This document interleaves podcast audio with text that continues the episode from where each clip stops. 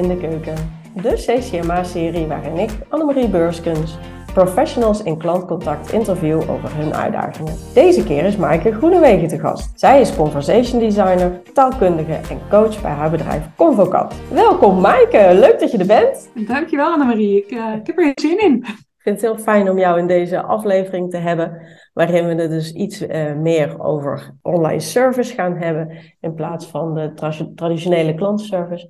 Want jij komt helemaal uit de wereld van uh, de chatbots en het conversation design. Ik zei het net al even, jij bent conversation designer, taalkundige en coach. Kun je vertellen wat dat precies inhoudt? En ja, wat doe jij bij bedrijven? Ja, nou, ik kan zeker een, een, poging doen. Het is een, een lange functietitel en dat komt eigenlijk ook omdat ik op best wel veel verschillende vlakken uh, werkzaam ben bij bedrijven. Mijn primaire taak bij mijn meeste klanten is conversation design. Dus dat betekent dat ik eigenlijk de dialogen ontwerp voor chatbots, voor voice assistants en eigenlijk alle interfaces die gebruik maken van taal, de zogenaamde conversational user interfaces.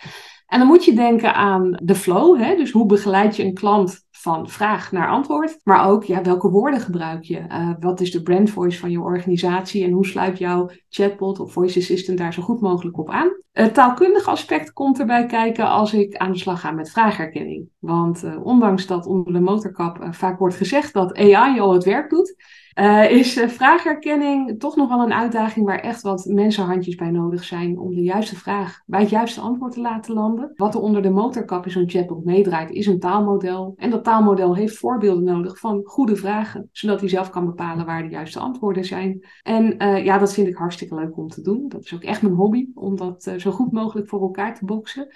En daar helpt mijn taalkundige achtergrond heel erg bij. Want het scheelt gewoon heel erg als je weet van hé. Hey, een klantvraag bestaat meestal uit een werkwoord en een leidend voorwerp. Nou ja, dat zijn hele simpele taalkundige feitjes. Maar dat, dat kan ook veel, veel verder en veel diepgaander gaan. En het coachen, dat doe ik de laatste tijd steeds meer, omdat ik het gewoon heel erg leuk vind om uh, eigenlijk mensen die uh, net de arbeidsmarkt opkomen in dit vrij nieuwe vak, een handje te helpen om hun weg te vinden in uh, het conversational landschap. Ja, jij coacht andere conversation designers, dus Klopt. het is wel heel ja. specifiek op het vlak van uh, chatbots en het werk wat daarin plaatsvindt. Klopt, inderdaad. Ja, ja. Leuk. En je hebt een heel andere achtergrond, uh, weet ik toevallig. Kun je daar wat over vertellen? En hoe ben je, ja, hoe heb je die overstap gemaakt naar chatbots ineens? Want Zeker. je hebt iets heel anders gedaan. Ja, ja nou, ik, ik ben, ben afgestudeerd op een, een prachtig mooi onderwerp, de, de klank van de R in het Oud-Engels. Uh, dat was al een hele tijd geleden en daar was ook toen geen droogbrood in te verdienen natuurlijk als theoretische fonoloog. Dus ja, wat doe je dan? Net zoals heel veel andere studenten. Ik kwam terecht op een helpdesk van een klein softwarebedrijf. En daar werd ik eigenlijk ook wel gegrepen door hoe mensen vragen stelden. En ik ben toen uh, aan de telefoon gaan zitten, maar ik ben ook uh, instructies gaan schrijven en handleidingen. En dat vond ik zo leuk dat ik eigenlijk achter kwam, god, dat schijnt ook een beroep te zijn, technisch schrijver. En dat heb ik eigenlijk het grootste gedeelte van mijn carrière gedaan bij verschillende bedrijven. En ik denk toch wel de bekendste, want ik heb het er vaak over, is dat ik 16 jaar bij luchtverkeersleiding heb gewerkt. Dus ik heb daar procedures en systeeminstructies geschreven voor verkeersleiders. Nou, dat zijn, als ze bij luchtverkeersleiding binnenkomen, ook jonge mensen die, ja, weet je, niet iedereen leest even graag. Dus hoe zorg je er nou voor dat in die complexe omgeving uh, je mensen zo optimaal mogelijk kunt helpen bij het uitvoeren van hun taak? En dat kan he, heel rustig en normaal zijn, maar bijvoorbeeld ook noodprocedures. En dan is een interne coördinatie heel erg belangrijk. Iedereen heeft zijn eigen rol. En dus ook zijn eigen informatie. En om die informatie uh, goed te kunnen maken, hadden we eigenlijk al een, grote mate van personalisatie nodig. En daar heb ik destijds ook gekeken naar hoe kan je dat nou met content management systemen het beste ondersteunen. Dus ik heb wel altijd in de taakondersteuning gezeten, heel erg mensgericht. Ja, geloof het of niet, zelfs dat wordt na een tijdje wel saai, na 16 jaar. Dus ben ik doorgegaan als requirement engineer en business analyst bij uh, een bekende bank, bij de Nederlandse spoorwegen. Maar ik miste toch wat. Kwam op een dag bij uh, de chatbot-conferentie van Frank Watching terecht. Uh, dat was volgens mij april 2019. En daar dacht ik, ja, hier kwam ik taalkundige tegen. Dit is het gewoon. Baan opgezegd. Uh, eigen bedrijf begonnen en eigenlijk uh, ja, sindsdien uh, heel erg gelukkig met die keuze. Wat tof. Dus ja. je bent niet alleen een eigen bedrijf gestart, maar dat ook nog eens direct gedaan in een compleet, nou niet compleet anders, het is wel gerelateerd werkveld, mm -hmm. maar het is toch een flinke stap, want je had nog geen, Absoluut. niet eerder uh, werkervaring opgedaan in conversation design. Dus ja, is heel het vak bestond nog niet eens. Dat is, uh, ik, weet, ik was een van de eerste uh, lichtingen van toen nog Robocopy en inmiddels CDI. dus het was ook niet zo dat mensen op zoek waren naar conversation designers. En COVID was net begonnen. Dus ja, mooie start.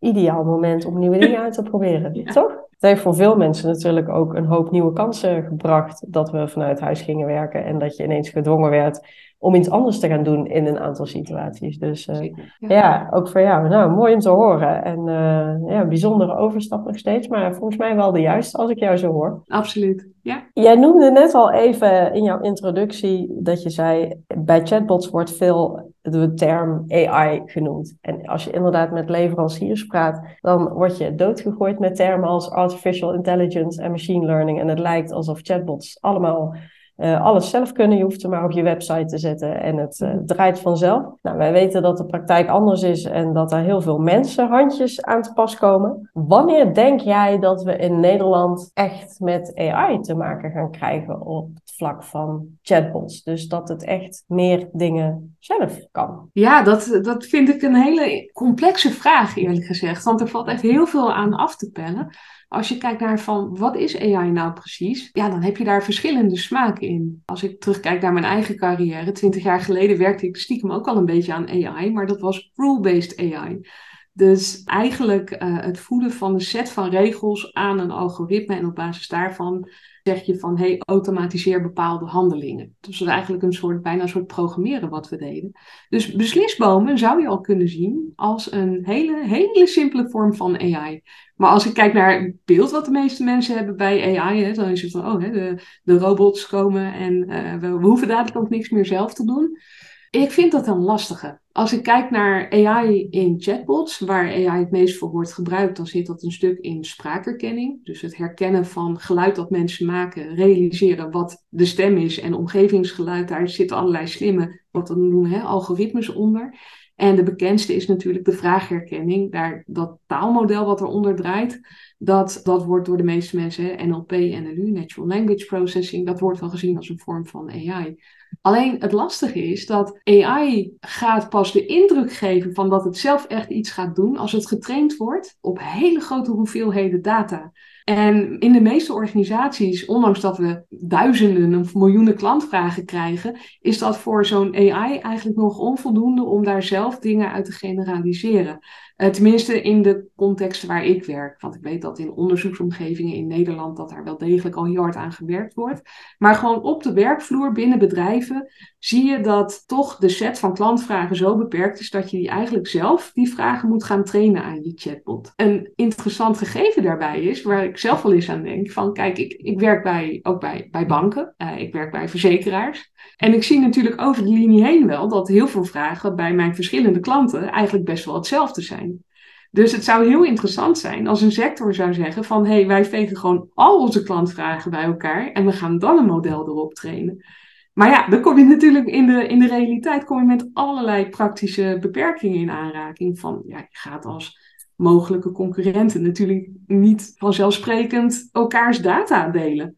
Interessant dat je dat zegt. Ik zat vorige week of die week daarvoor met een conversation designer van VGZ, als ik me niet vergis. Ja, ja. En zij hebben hun datamodel, of hun training in ieder geval, uh, gedeeld met een andere zorgverzekeraar. En gekeken, um, zien we daar dezelfde vragen? En blijkbaar ging dat niet goed. Dus en dat? veel dezelfde vragen, maar uiteindelijk uh, zat er toch te veel verschil in.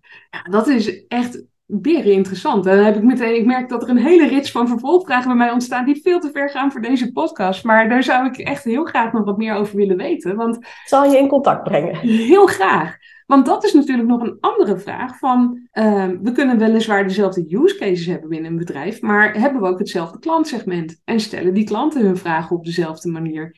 Als daar grote verschillen in zitten, ja, dan moet je dan toch weer zelf aan de slag om die vragen te trainen aan je chatbot. Dus dat is een interessante. De Nederlandse taal is, is ook nog een factor die meespeelt. Ik zie dat veel van de innovaties die plaatsvinden altijd in, ja, toch in eerste instantie voor het Engels beschikbaar komen. Dus uh, bijvoorbeeld wat ze dan noemen de large language models, zoals uh, een tijdje geleden GPT-3, die waren er ook alleen maar voor het Engels. Dus je ziet het ook aan Alexa, die was er ook alleen maar voor het Engels. Uh, dus je ziet gewoon dat we misschien als taalgebied ook net iets te klein zijn om meteen mee te kunnen liften op alle innovaties. alhoewel er van de week een, een large language model, een taalmodel is uitgekomen, ChatGPT. En die spreekt wel degelijk Nederlands. Dus dat is heel interessant. Uh, maar om nog even terug te komen op de vraag van hè, wanneer gaan we meer AI zien in Nederland? Ik denk dat we stiekem in heel veel subprocessen die we misschien als klant of als eindgebruiker niet zien, al AI eh, toepassen. En dat heeft dan bijvoorbeeld met name te maken met het automatisch samenvatten van transcripten, het automatisch ja, analyseren, uh, sentimentanalyse, topic analysis, hè, dus waar gaat een gesprek over.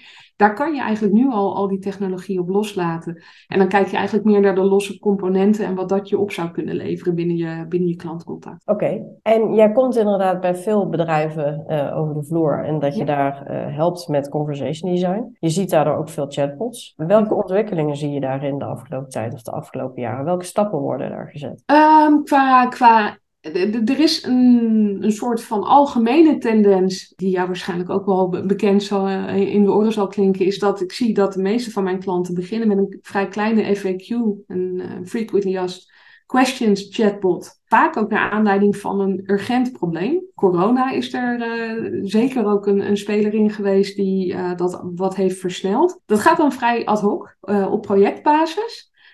met een wat, wat kleiner platform, wat eigenlijk prima aan die eerste lijst van eisen voldoet. En dan zie je dat als zo'n chatbot begint te groeien, uh, klanten ook meer vertrouwen krijgen in zo'n chatbot, dan komen er meer vragen. En dan uh, zie ik regelmatig een, een, vraag ontstaan naar, naar schaalbaarheid. Hey, we willen meer, we willen groter, we willen integreren met andere kanalen, we willen een live chat integratie of een integratie met telefoon. Dan komt er een soort tweede golf, waarin ook zeker in het begin veel vragen weer opkomen. Ja, maar hoe doen we dat nou? Niet alleen technologisch of qua use cases, maar ook qua team dan zie je ook vaak dat, dat er een soort van klein basisteam begint te ontstaan.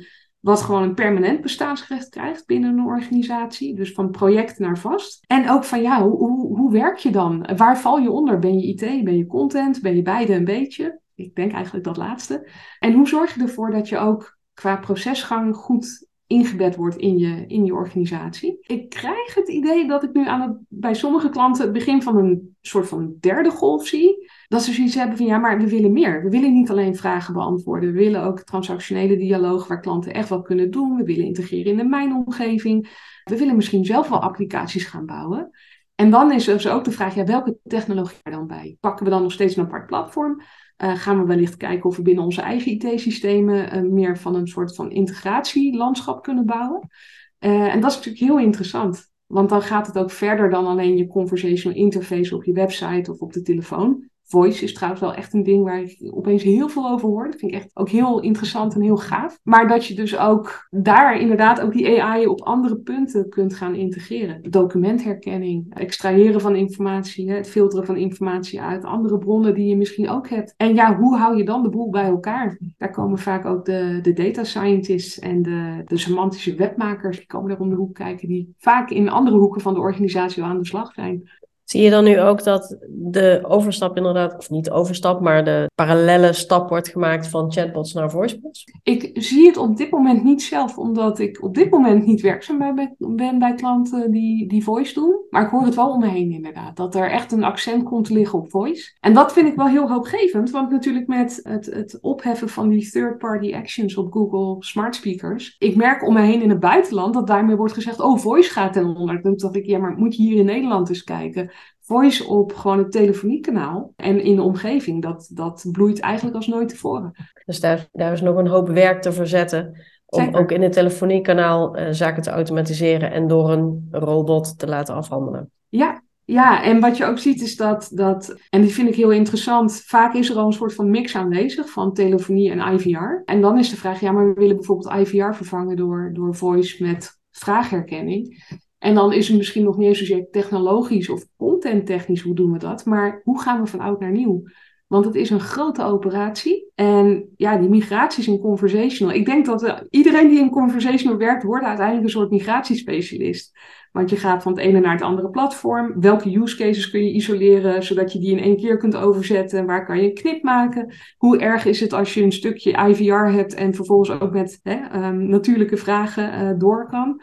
Uh, dus dat zijn um, best belangrijke zaken om vooraf goed te plannen. En stel, je bent een bedrijf of je hebt een bedrijf, en, maar je hebt nog geen chat of voicebot. Of je bent er net mee begonnen mm -hmm. en je wil graag die chatbot succesvol laten worden of je wil gaan starten met een chatbot. Wat zijn dan de drie grootste fouten waarvan jij zegt, nou dat moet je wel voorkomen? Dat heb ik nu al zo vaak gezien. Regel dat nou meteen vanaf de start goed. Ik denk de, de allerbelangrijkste is om, om goed helder te hebben welk probleem je wil gaan oplossen met je conversational oplossing. En ik heb ook regelmatig kleinere klanten die, die ik gewoon ook afraad om een chatbot te nemen. Omdat bijvoorbeeld ze zeggen, ja, we hebben een webformulier dat niet helemaal lekker loopt. En nu willen we het in een chatbot, want we denken dan dat het beter gaat. En als je dan gewoon, en daar komt een technisch schrijfkant eigenlijk weer terug. Als je een contentanalyse doet, uh, dan, dan zie je in dat soort gevallen vaak van ja, maar als je je webformulier wat zou optimaliseren, krijg je daar waarschijnlijk ook een betere conversie, omdat de flow in je formulier uh, niet zo lekker loopt. En een flow in een formulier is wat dat betreft niet heel veel anders dan een flow in een, een startende chatbot, waar je toch ook vrij lineair nog door een aantal paden heen gaat. En sterker nog, als je het in een chatbot zou stoppen, dan versterkt het alleen maar. Dus, dus wees je van bewust van dat conversational aan zich niet per definitie een oplossing is. Uh, en dus- stel, het is wel een oplossing. Dus stel, je bent niet dat bedrijf met dat webformulier wat verbeterd moet worden. Maar je ziet de toegevoegde waarde van een chatbot voor een bedrijf. Waarvan zeg je dan, nou, let daarop als je gaat starten of als je wilt doorontwikkelen. Dat zijn wel dingen die je in de smiezen moet houden. Ja, een, uh, een stap die ik veel organisaties zie maken, en terecht hoor, dat, dat dat een logische stap lijkt, is om bestaande content, FAQ-content van de website bijvoorbeeld, te importeren in je bot. En dan uh, daarmee te starten. Ik heb eigenlijk bij, bij bijna alle klanten die daarvoor gekozen hebben, kwamen er achteraf op terug. Van ja, uh, zo'n FAQ is toch wat, wat lang voor een conversational interface. Vaak is hij toch ook wat meer vanuit een bedrijfsproces geschreven en wat minder op de daadwerkelijke, daadwerkelijke klantvraag die wordt gesteld. En kom je er uiteindelijk op uit van ja, haal die content maar weer uit, want hij wordt nooit gehit. Hij wordt nooit geraadpleegd door een klantvraag. En eigenlijk zit hij ook een beetje in de weg bij de vraagherkenning. Dus als ik dat ombuig naar een tip, dan zou ik uh, iedereen aanraden om echt eerst een goede klantvraaganalyse te doen. Bijvoorbeeld door te kijken wat krijg je nu al binnen bij je service desk, bij je klantmedewerkers, bij je adviseurs. Wat is daar de top 10 vragen van die zij vaak krijgen? En kijk dan ook echt of een chatbot daar antwoordpotentieel heeft. Want als een chatbot het antwoord maar gedeeltelijk kan geven en je moet vervolgens nog steeds door naar een klantadviseur, dan kan het zijn dat je daarmee niet het doel voor, uh, bereikt wat jij voor ogen hebt. Dus hè, een soort van analyse op welke vragen worden het meest gesteld, welke vragen kan een chatbot zelfstandig afhandelen. En begin dan met die eerste tien vragen en kijk hoe die het doen. En wacht niet te lang met live gaan. Dat zou misschien wel tip nummer drie zijn. Want op het moment dat je live gaat, dan komen die klantvragen binnen. En die klantvragen, dat is voor mij echt het gouden ei. Dat heb ik als technisch schrijver nooit gehad. Ik wist niet met welke woorden mijn gebruikers hun vragen stelden, tenzij ik naast ze zat. Je krijgt gewoon letterlijk aangereikt wat je klanten willen weten. Het enige, dus werk genoeg hoor, maar het enige wat je hoeft te doen is zorgen dat die vragen landen bij het juiste antwoord. En als aanvulling daarop, eh, je moet het dus ook niet zien als een eenmalig project. Oh, de chatbot is live en nu draait het en ik hoef er verder niet meer naar om te kijken. Nee, eigenlijk begint het dan pas. Want je gaat dan pas kijken van welke vragen komen binnen, landt het inderdaad op de juiste vraag en wat kun je daarom verbeteren. Absoluut. Dat is denk ik ook met name voor mensen die uit de contentkant komen even wennen. Want als webschrijver, webredacteur is je kerntaak natuurlijk content toevoegen en wijzigen. En wat je bij een chatbot op een gegeven moment gaat zien, is dat het niet zozeer het toevoegen van nieuwe content is. Want op een gegeven moment kom je op een punt dat je 80% van je klantvragen in ieder geval qua antwoorden wel in die bot hebt zitten. Maar wordt het veel meer een, een verschuiving naar die klantvraaganalyse. Op welke manieren stellen mensen die vraag? Maar ook, hey, zien we door de tijd heen, of misschien seizoensgebonden, opeens een piek in een ander soort vragen? En hoe kun je daar snel op inspelen? En dat is eigenlijk voor mijn gevoel nu het voornaamste onderhoud na een, zeg een jaar of twee, als die, als die live staat. Dan zit dat hem veel meer in die klantvraaganalyse. En die content, tuurlijk moet je hem up-to-date houden. Maar hij hoeft niet altijd uitgebreid te worden. Want op het moment dat niemand ernaar vraagt, hoef je er ook niet over te gaan schrijven. En dat besef, vanuit een schrijver denk je altijd, ja, ik wil heel graag compleet zijn. Hè? Ik wil alles aanbieden. Maar ja, als klanten er niet naar vragen, ja, dan zou je kunnen afvragen, is het dan nodig? Goed punt. Want uiteindelijk gaat het erom dat je die klant helpt en niet om je eigen verhaal naar buiten te brengen. Nee, je wil iemand helpen. En daar kan de chatbot inderdaad een goede rol in spelen. Jij noemde net al even chat, uh, eh, GTP, GPT, sorry, doe ik het weer verkeerd. chat, GPT. Kun je in Jip en Janneke taal uitleggen wat dat inhoudt? Ik kan me voorstellen dat veel mensen het voorbij hebben zien komen de afgelopen tijd. Maar wat houdt dat nou precies in? Wat betekent dat? Ja, het is, er is een enorme hype ontstaan. In ieder geval in de bubbel waarin ik leef. En ik realiseer me heel goed dat dat natuurlijk ook maar een klein gedeelte van de wereld is. Maar je moet je voorstellen dat daar waar wij een chatbot zelf trainen met voorbeeldvragen en zelf dus ook de antwoorden bedenken, is een ChatGPT, ik noem hem maar gewoon even GPT, dat, dat praat wat makkelijker, is een, wat ze noemen een large language model. En hij is eigenlijk getraind met voorbeeldvragen en voorbeeldcontent ook van het hele internet tot ongeveer 2021.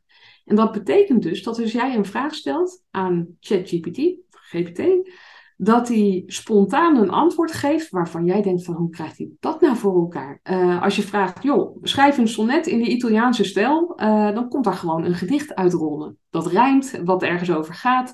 Je kan hele gesprekken met, uh, met ChatGPT houden over elk onderwerp mogelijk. En wat eruit komt is een conversatie die zo natuurlijk overkomt dat ik was er echt van onder de indruk. Er zijn eerdere large language models uh, uitgebracht, waaronder Blender. Microsoft heeft uh, de notoire T ooit een keertje live gezet. Nou, buiten het feit dat die binnen één dialoog uh, eigenlijk binnen tien turns, zeg maar, dus binnen tien beurten uh, redelijk de, de, draad kwijt waren, zat er ook heel veel bias in. Dus een, een blender, uh, die praatte gewoon met je mee. Dus als je zei, ik vind vrouwen geweldig, zei hij, ja, ik ook. En als je zei, ik vind vrouwen verschrikkelijk, zei hij, ja, ik ook. Daardoor had je al heel snel door, ja, dit is gewoon een stuk technologie en dat, ja, dat werkt gewoon niet lekker.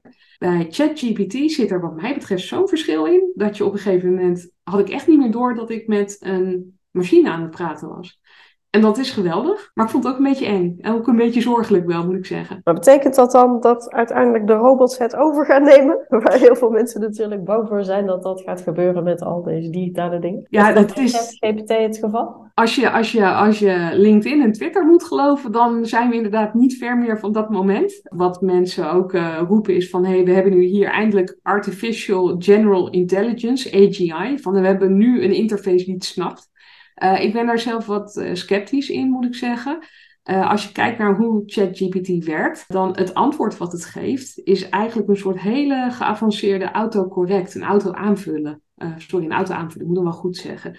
Dus op basis van het woord wat hij genereert, gaat hij kijken van welke woorden vind ik daar in mijn hele internetcollectie bij die het meest worden gebruikt.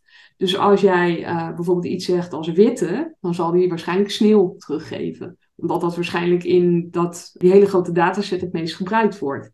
Dus het gaat woordje voor woordje, kijkt hij eigenlijk, hé, hey, wat is uh, mijn, mijn best guess eigenlijk? Hè? Van wat zal ik daar eens neerzetten? Maar dat betekent dus dat ChatGPT geen weet heeft van wat het zegt. Het is gewoon echt een auto-aanvullen algoritme.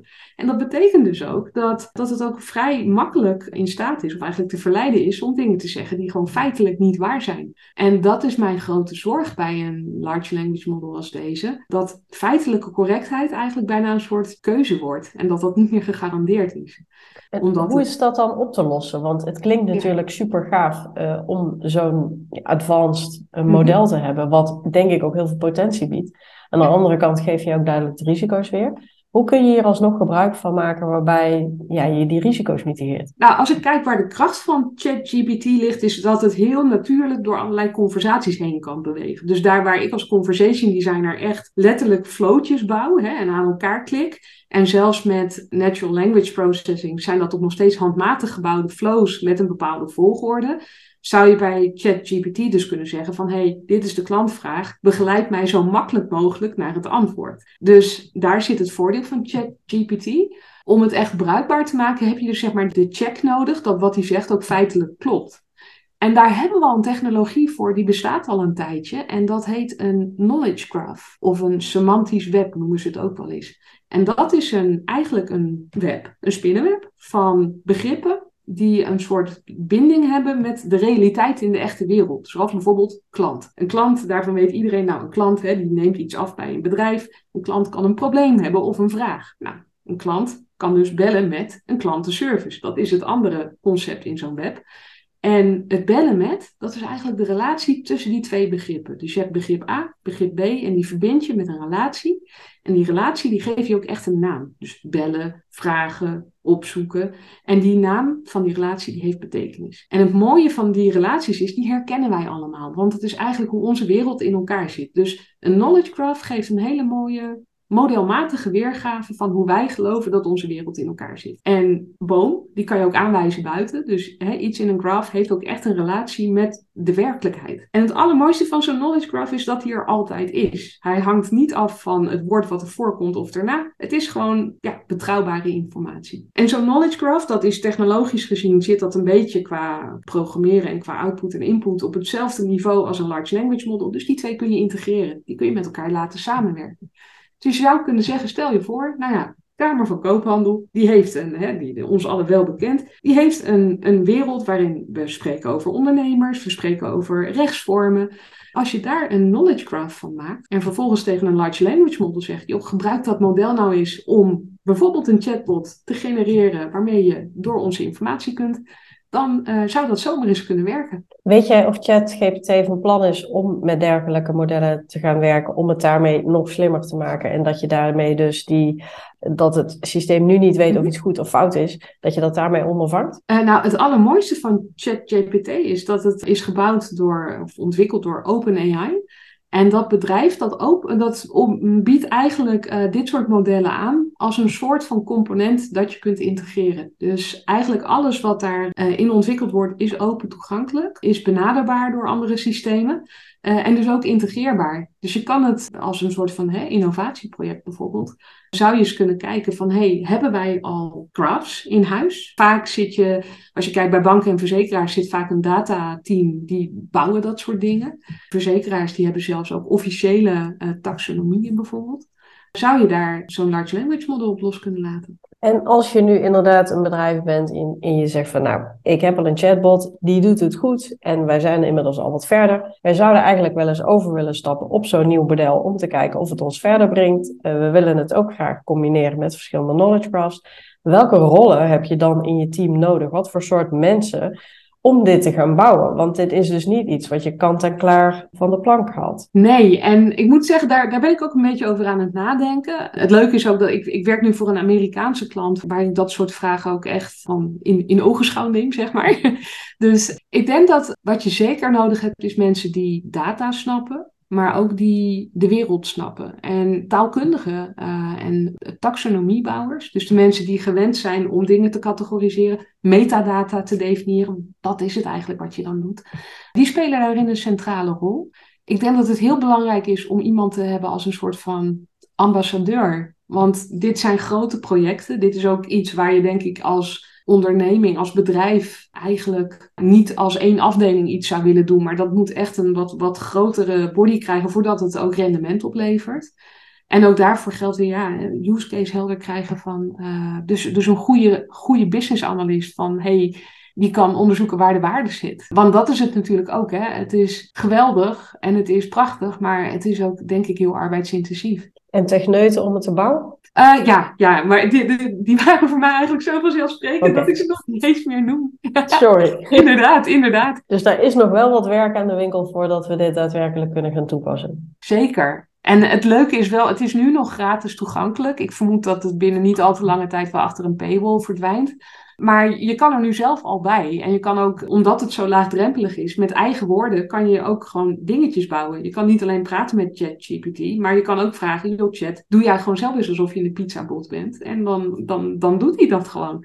Dus dat is ja, echt fascinerend. Dat belooft een hoop mooie dingen voor de toekomst zeker. Heb jij nog een mooie uitsmijter voor mensen die werkzaam zijn in conversation design of daar net in gaan starten of al wat verder zijn waarvan je zegt, nou, dit wil ik jullie graag meegeven? Ik zou zeggen, blijf leren, want het vak verandert waar je bij staat. En ik, het zou mij niet verbazen als de wereld van conversation designers zoals we die nu kennen over twee jaar wellicht totaal anders uitziet. Dat is niet iets om bang voor te zijn. Ik merk sowieso sinds ik zelf mijn eigen bedrijf gestart ben dat ik, ja, bang zijn heeft ook weinig zin. Maar zorg wel dat je intuned in wat er om je heen gebeurt. En zoek elkaar op, zodat je ook gebruik kunt maken van elkaars kennis en daar verder in kunt groeien. Ik vind dat een hele mooie afsluiter. Dankjewel voor dit gesprek. Ik heb weer een hoop bijgeleerd en uh, ik vond het een fijn gesprek, dus dankjewel ervoor. Jij ook hartelijk bedankt. Ik, uh, had er ook erg veel plezier in.